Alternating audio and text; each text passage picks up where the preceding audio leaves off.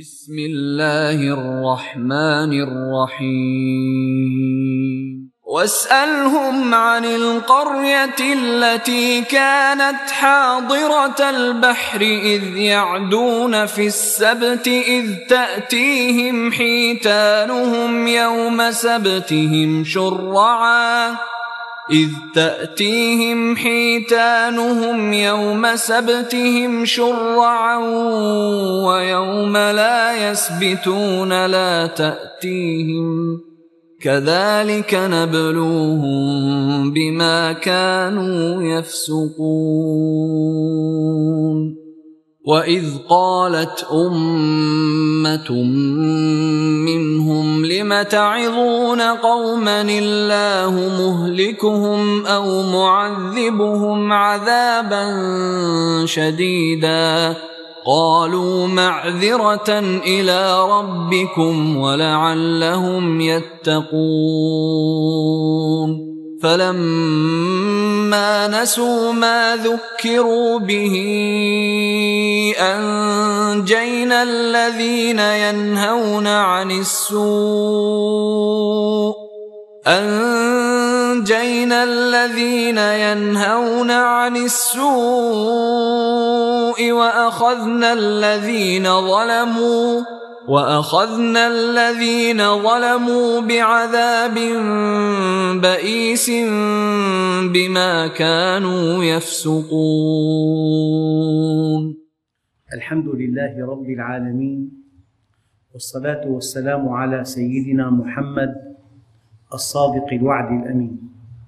اللهم أخرجنا من ظلمات الجهل والوهم إلى أنوار المعرفة والعلم ومن وحول الشهوات إلى جنات القربات.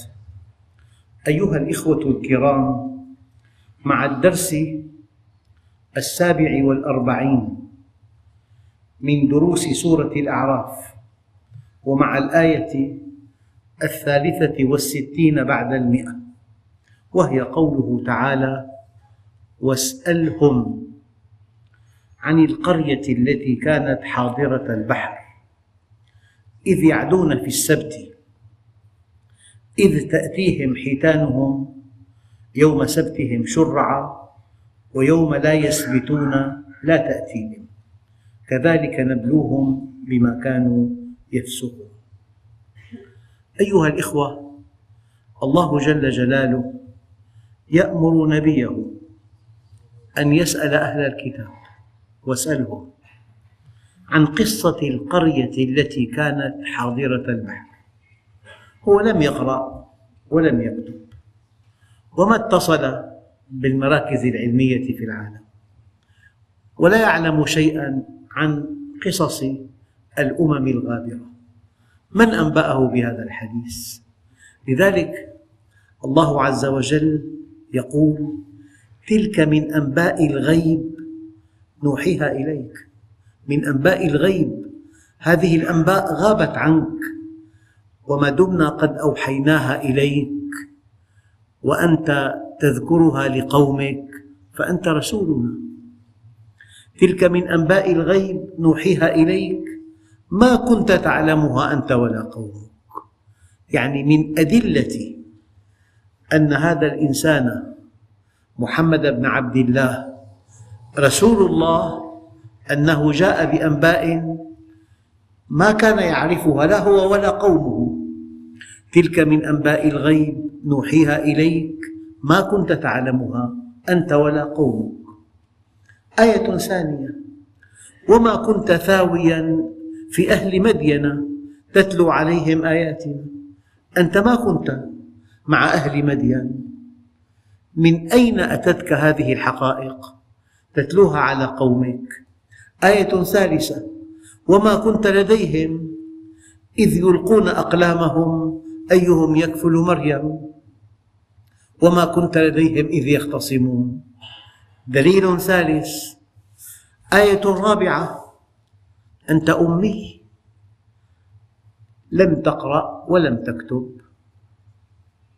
وعاؤك ممتلئ من الله مباشرة. علمه شديد القوى أمية النبي عليه الصلاة والسلام وسام شرف له. أمية النبي عليه الصلاة والسلام وسام شرف له لأن الله تولى تعليمه. يعني إنسان يفتخر له أستاذ بروفيسور يحمل أعلى شهادة في العالم تتلمذ على يده. يتيه بهذه النسبة لأستاذه. فكيف إذا كان الذي علم هذا النبي الكريم خالق السماوات والأرض؟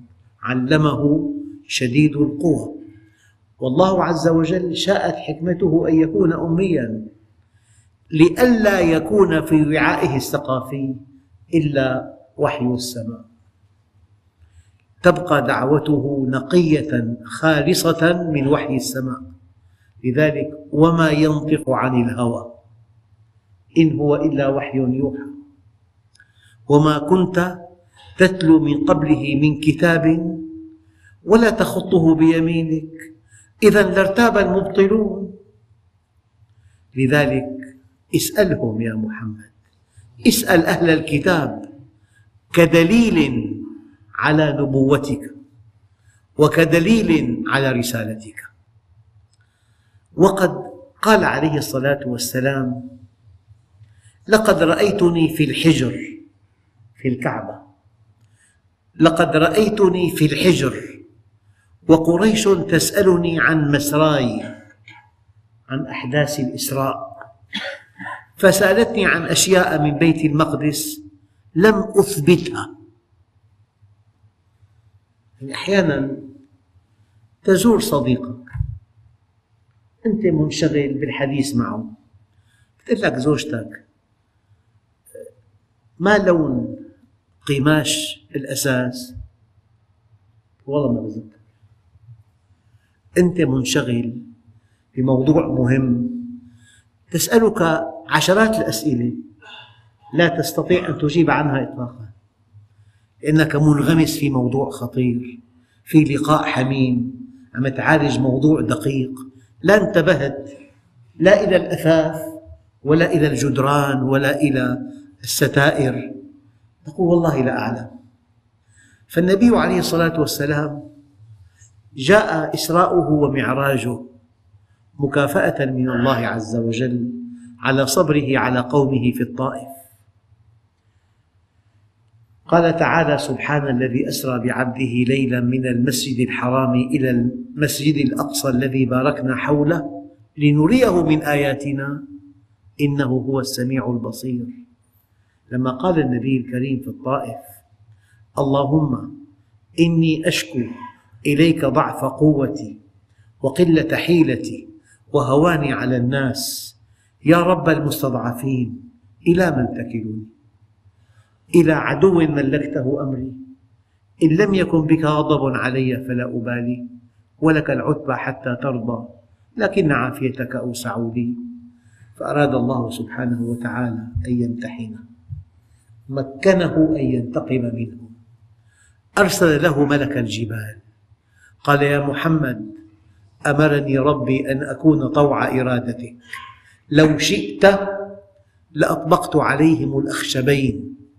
قال لا يا أخي لا. اللهم اهد قومي قومي. ما تخلى عنهم ودعا لهم واعتذر عنهم فإنهم لا يعلمون.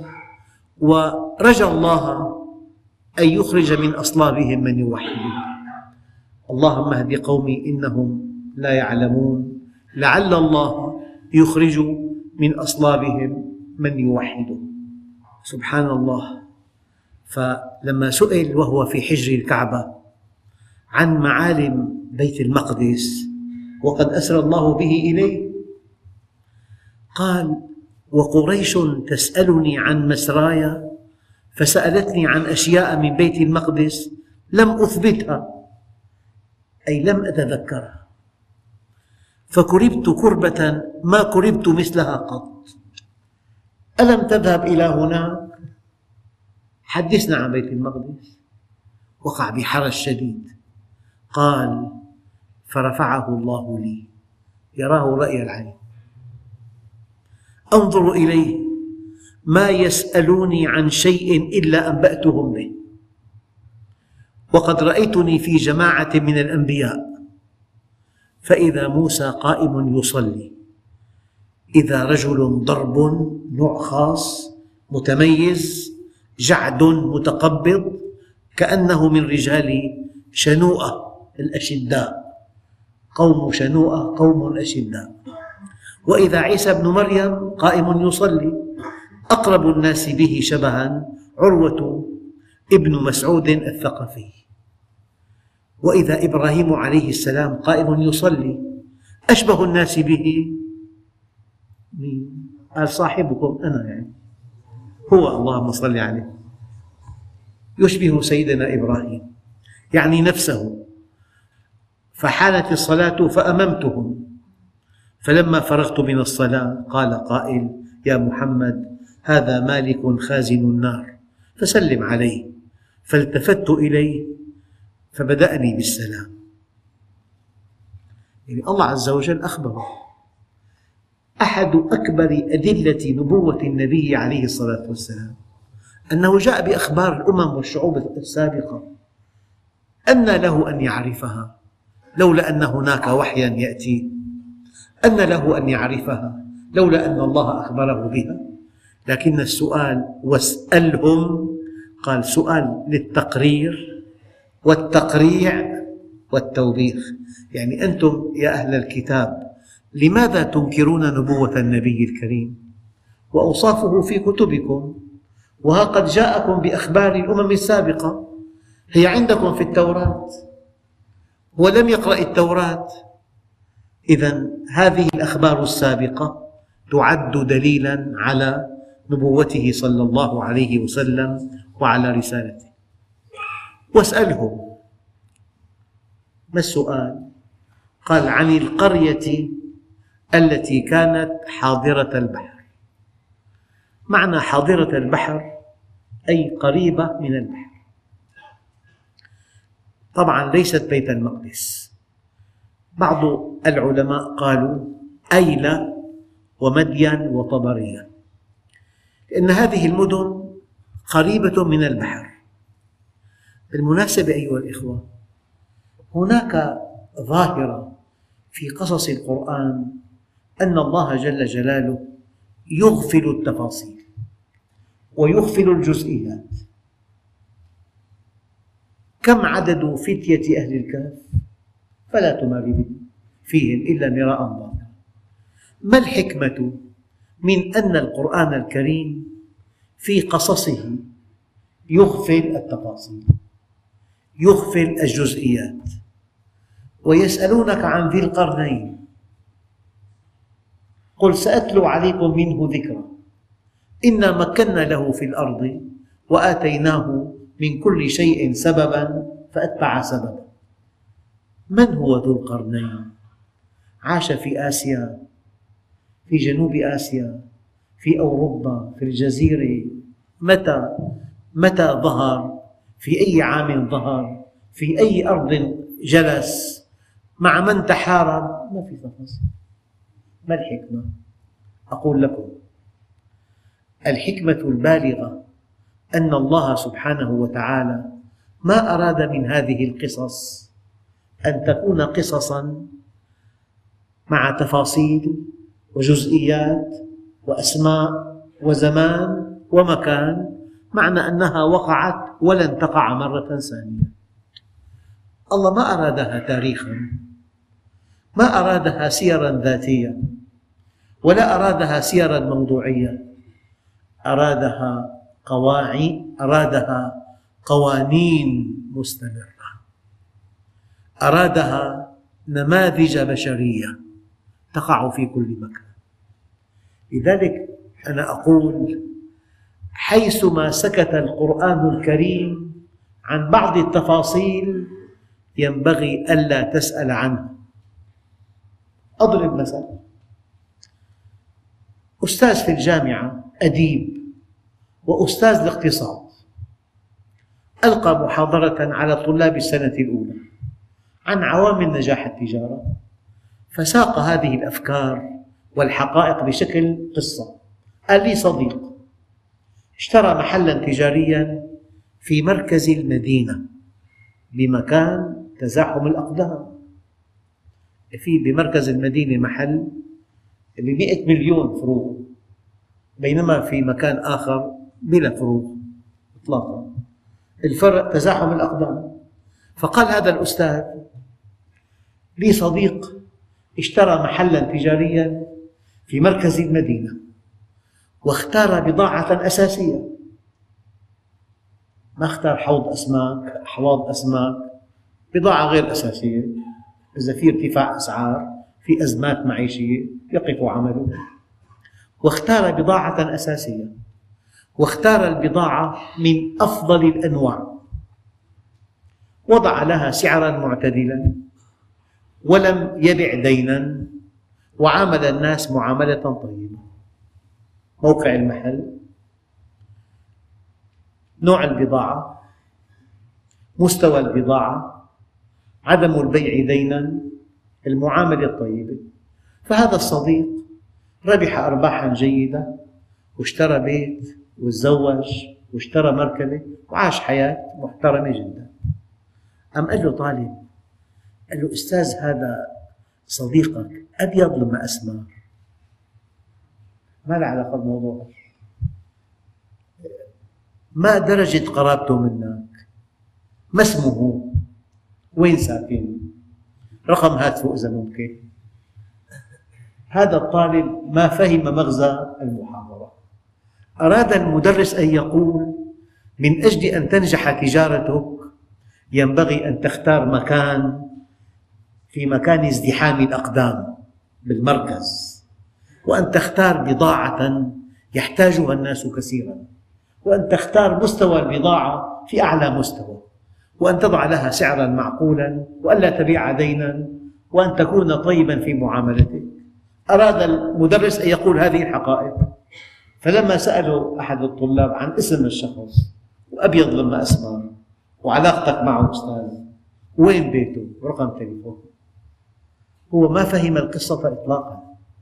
لذلك أراد الله من قصص القرآن الكريم أن تكون نماذج متكررة وأن تكون حقائق مستمرة.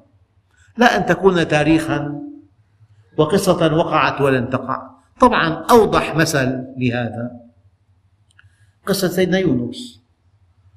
حينما التقمه الحوت فنادى في الظلمات أن لا إله إلا أنت سبحانك إني كنت من الظالمين. فاستجبنا له ونجيناه من الغم. هذه القصة؟ انتهت.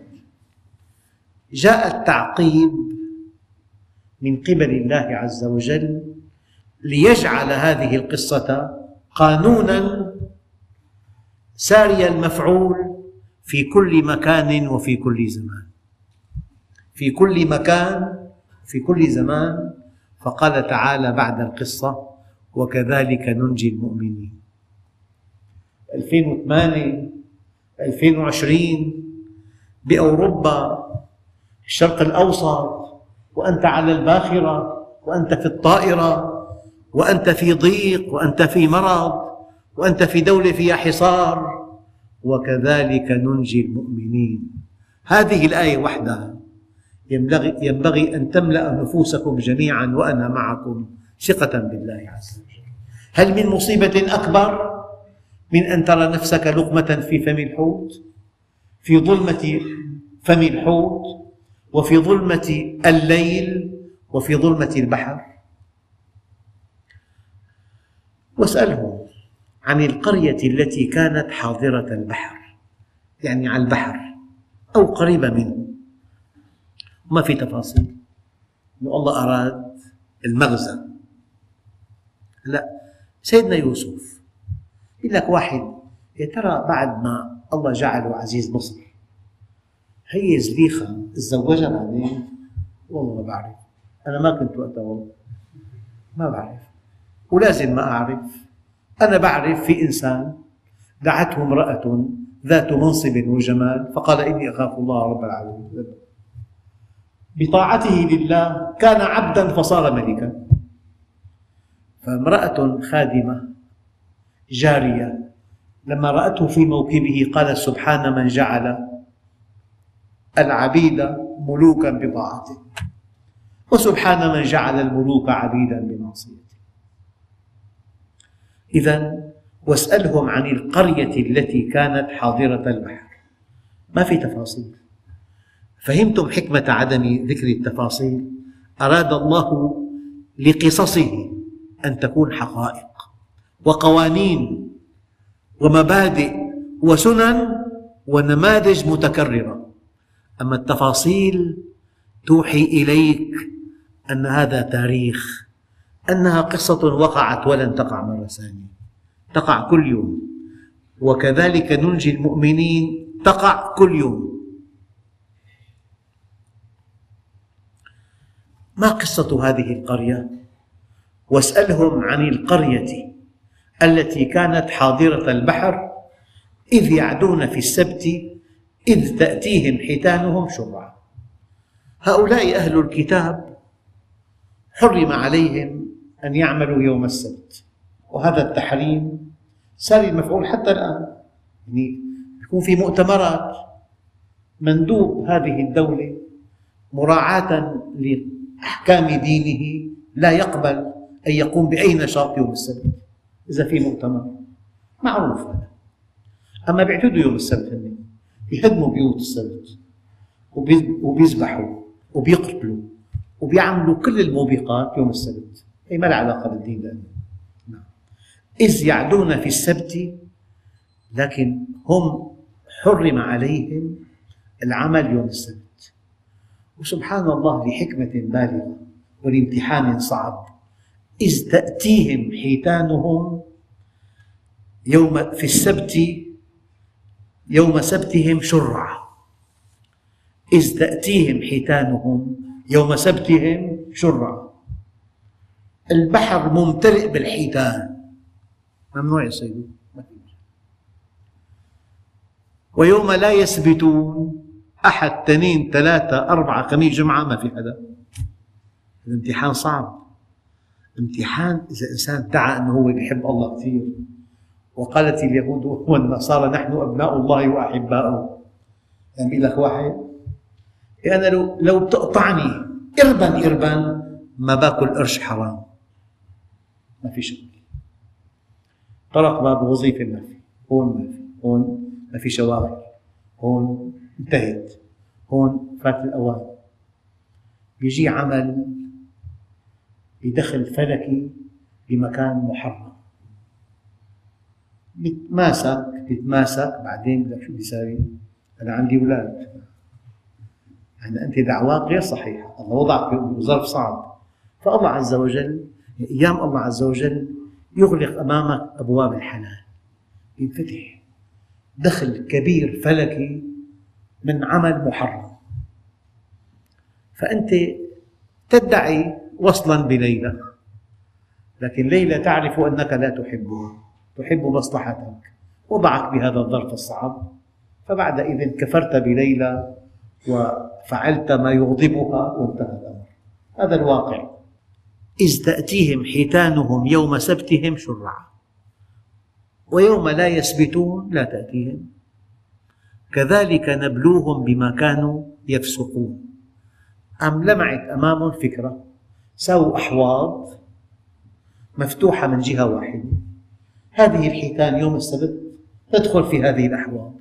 إذا دخلت أغلقوا الأحواض. صادوها يوم الأحد. أي حيلة شرعية. وصدقوا أيها الإخوة أقسم لكم بالله أن الذي يفعل مثل هذه الحيل الشرعية كأنه يستهزئ بالله عز وجل. يعني لازم أسكن مع زوجة أخي. هي امرأة أجنبية. هي سهلة. بنجيب بنت رب ترضع من عند الجيران نعمل عقد زواج بيني وبينها بنت عم ترضع عمرها سنة وربع. عم ترضع بنصير عقد زواج بين الرجل وبين الرضيعة بتجي مرت أخي بترضعها بتصير أمها يعني حماتي. بطلق البنت الرضيعة الحماة محرمة على التأبيد. حلا. بجيب زكاة مالي أضعها في رغيف. بقدمه لفقير. وظن أنه بس رغيف فقط. بعد ما أخذه قال له آه، آه، تهبه لي ب 500 ليرة. رغيف حقه 500 في 12000 بوسطه يرجعون. يضحكون على أنفسهم.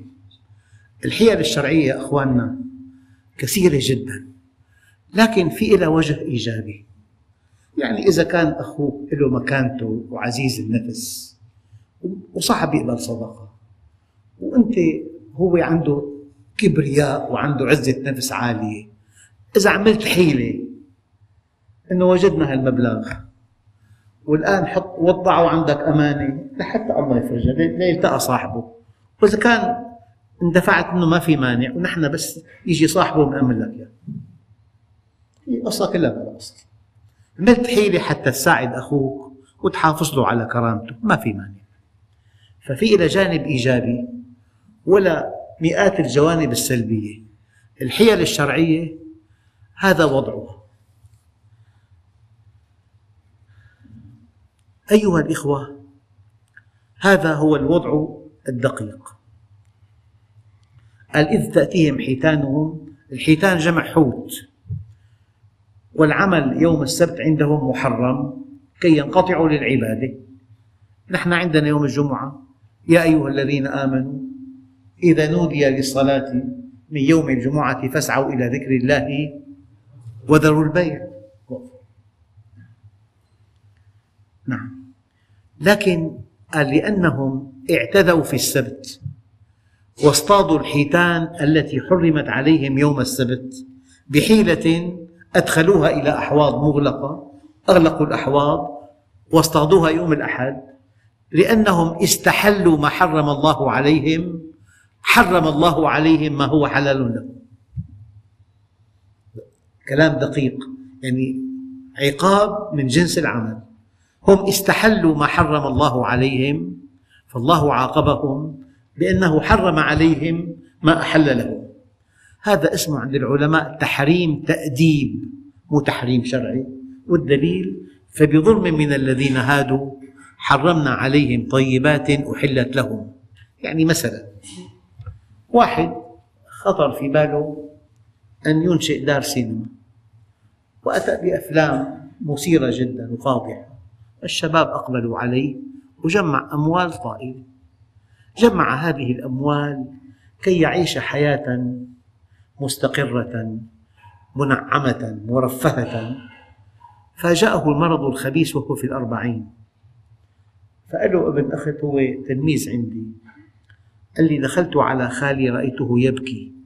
قال له جمعت ملايين مملينة من هذه الدار وأنا الآن سأغادر الدنيا ولم أنتفع بهذا المال إطلاقا. لأنه اختار حرفة مبنية على إفساد الشباب.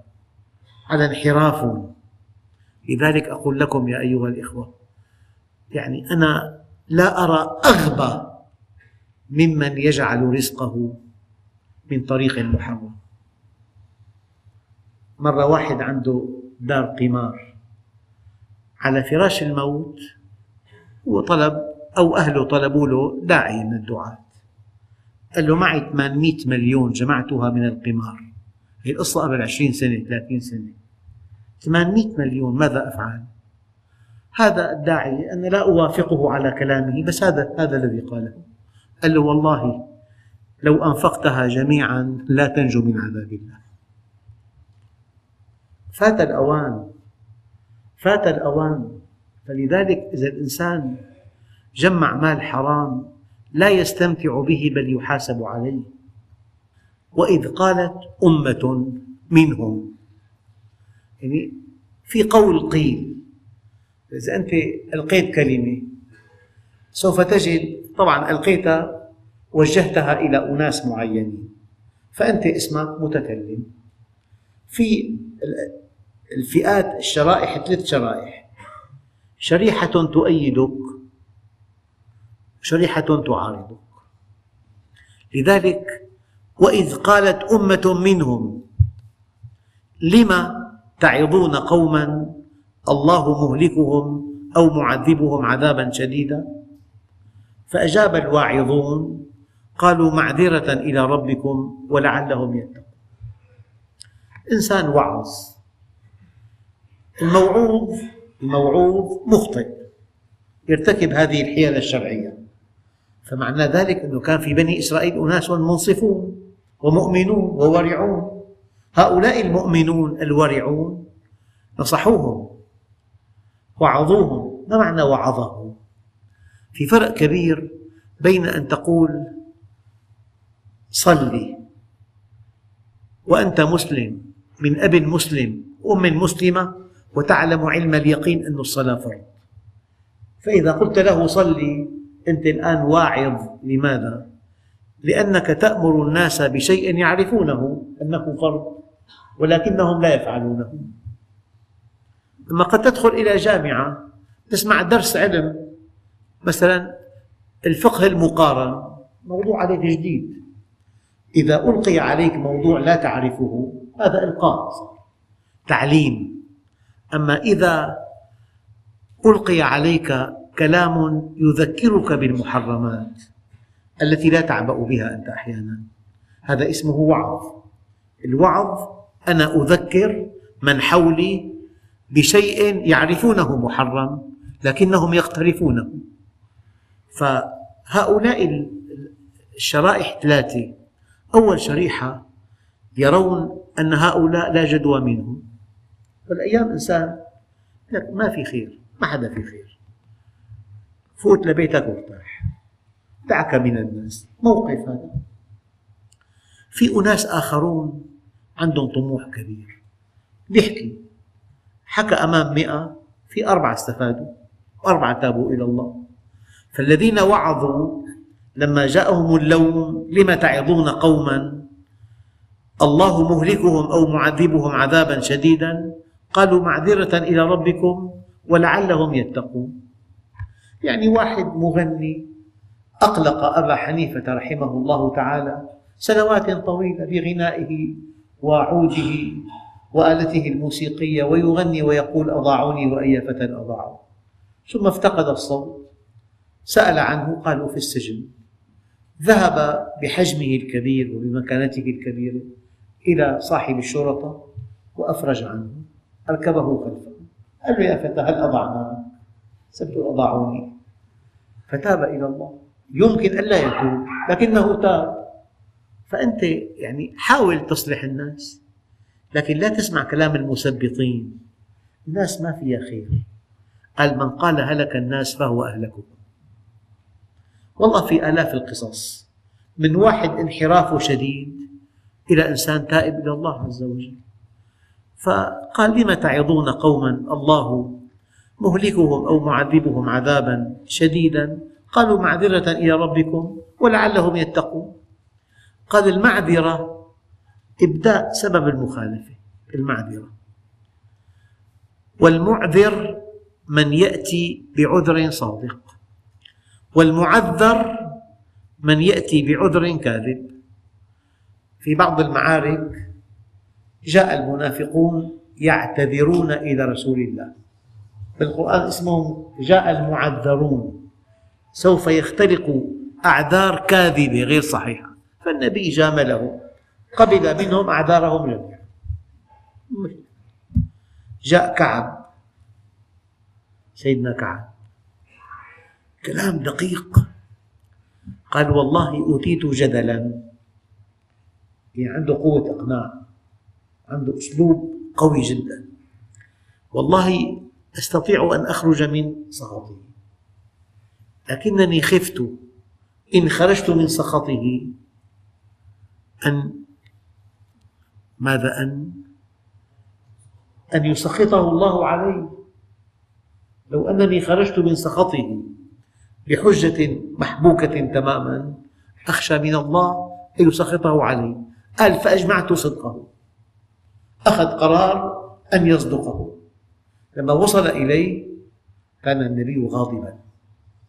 قال له والله يا رسول الله تخلفت عنك ولا عذر لي. ما كنت أنشط ولا أقوى يوما من يوم تخلفت فيه عنك ولكنه التقصير. تكلم الحقيقة. فالنبي بليغ. قال أما هذا فقد صدق. ثاني واحد كذابين. قال أما هذا فقد صدق. وجاء الأمر الإلهي بمقاطعة هؤلاء الثلاثة الذين هم مؤمنون لكنهم قصروا خمسة وخمسين يوما. ثم تاب الله عليه. فلذلك فالمعذر الذي يأتي بعذر كاذب والمعذر الذي يأتي بعذر صادق والمعذرة إبداء سبب التأخر.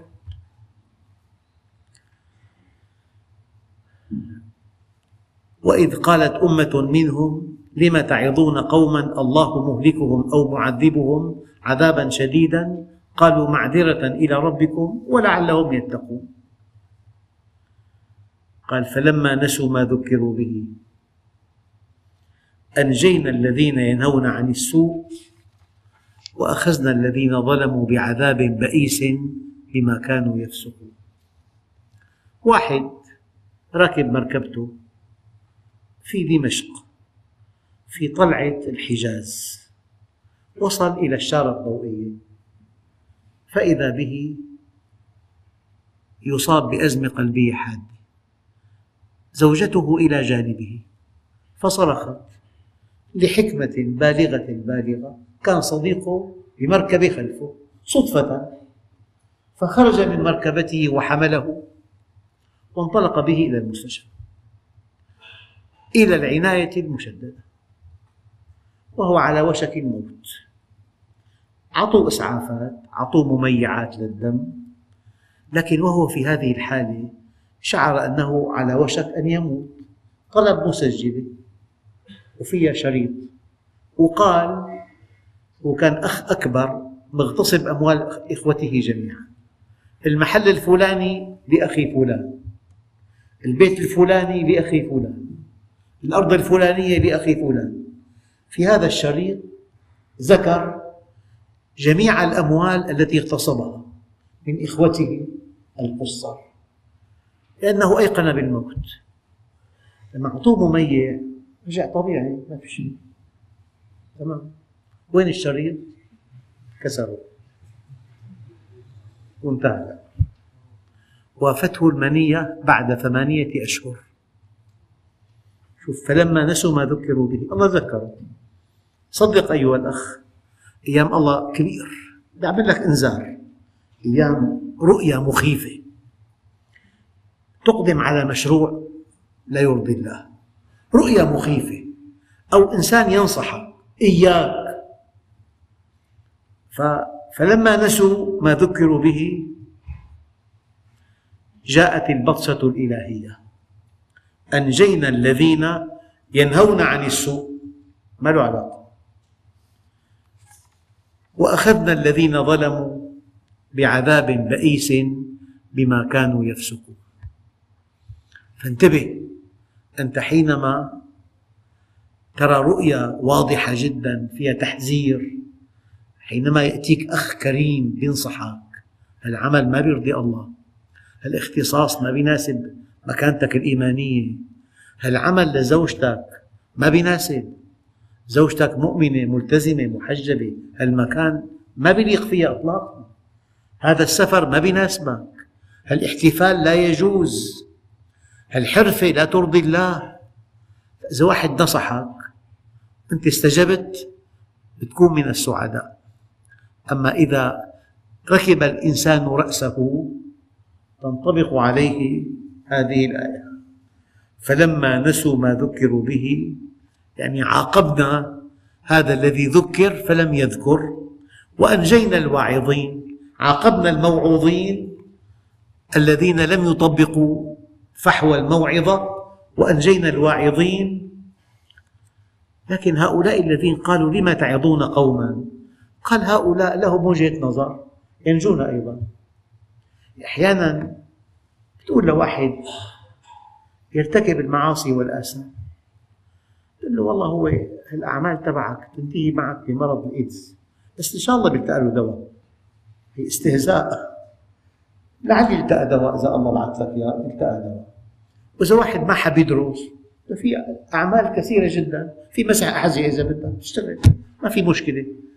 أحيانا في موعظة فيها سخرية. فقال هؤلاء لما أنت بتسمع واحد أنه لا لا تغلب حالك ما في أمل قد تستفزه بهالكلام قد تستفزه. على كل قال العلماء هؤلاء الذين يعني قدموا لوما للواعظين قال هم وعظوا بطريقة غير مباشرة. فلما نسوا ما ذكروا به أنجينا الذين ينهون عن السوء. الإسلام بدأ غريبا وسيعود غريبا كما بدأ. فطوبى للغرباء. من الغرباء؟ قال الذين يصلحون إذا فسد الناس. يصلحون إذا فسد الناس. ثم يقول الله عز وجل فلما عتوا عما نهوا عنه قلنا لهم كونوا قردة خاسئين. القرد مكشوف العورة صح الكلام؟ هلا كل واحد كاشف عورة زوجته؟ ثياب قصيرة ضيقة. فتحات. هذا مثل القرد يعني قرد ماشي من دون ثياب مكشوف العورة. دائما الشيطان يعري والرحمن يستر. ينزع عنهما لباسهما.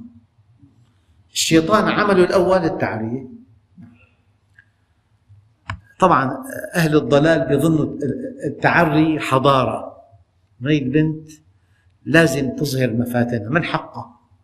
أن تثير الشباب أن يعني أنا بقول في عبادي الآن للفتيات المؤمنات والله الذي لا إله إلا هو. حينما أرى فتاة محجبة ثياب سابغة لا تشف عن جسمها ولا تظهر خطوط جسمها فضفاضة سخينة ألوانها معتدلة غير فاضحة. هذه فتاة تعبد الله بعبادة اسمها إعفاف الشباب. مفاتنها لمن يحل له أن يراها لزوجها لمحارمها أما هذا بالطريق شاب بينه وبين الزواج عشرين سنة قادمة. تظهر له كل ما عنده من مفاتن. ماذا يفعل؟ يعني في أسئلة تأتيني والله بالمئات كل أسبوع من هذا التفلت. أسئلة من نوع معين تأتيني بالمئات كل أسبوع من هذا التفلت هذه الفتاة التي تبرز كل مفاتنها لمن لا تحل له. هذه تعصي الله في في أشد خصوصياتها. أما التي تتحجب لعل الله سبحانه وتعالى يهيئ لها زوجا يعرف قيمتها ويكرمها قال فلما عتوا عما نهوا عنه قلنا لهم كونوا قردة خاسئين القرد مكشوف العورة وهمه بطنه والخنزير همه فرجه. فإذا مسخ الإنسان إلى قرد أو إلى خنزير أنا بتصوري ولا أصر على هذا التصور أنه معنى إنسان مسخ قردا يبقى بشكل إنسان بس همه بطنه والثاني همه فرجه. فكل واحد همه بطنه وفرجه فهو قرد على خنزير. فقط. لذلك ما في حيوان يقبل أن يلتقي مع أنثاه أمام الخنازير البقية إلى خنزير مقوص فلذلك فلما عتوا عما نهوا عنه قلنا لهم كونوا قردة خاسئين والحمد لله رب العالمين.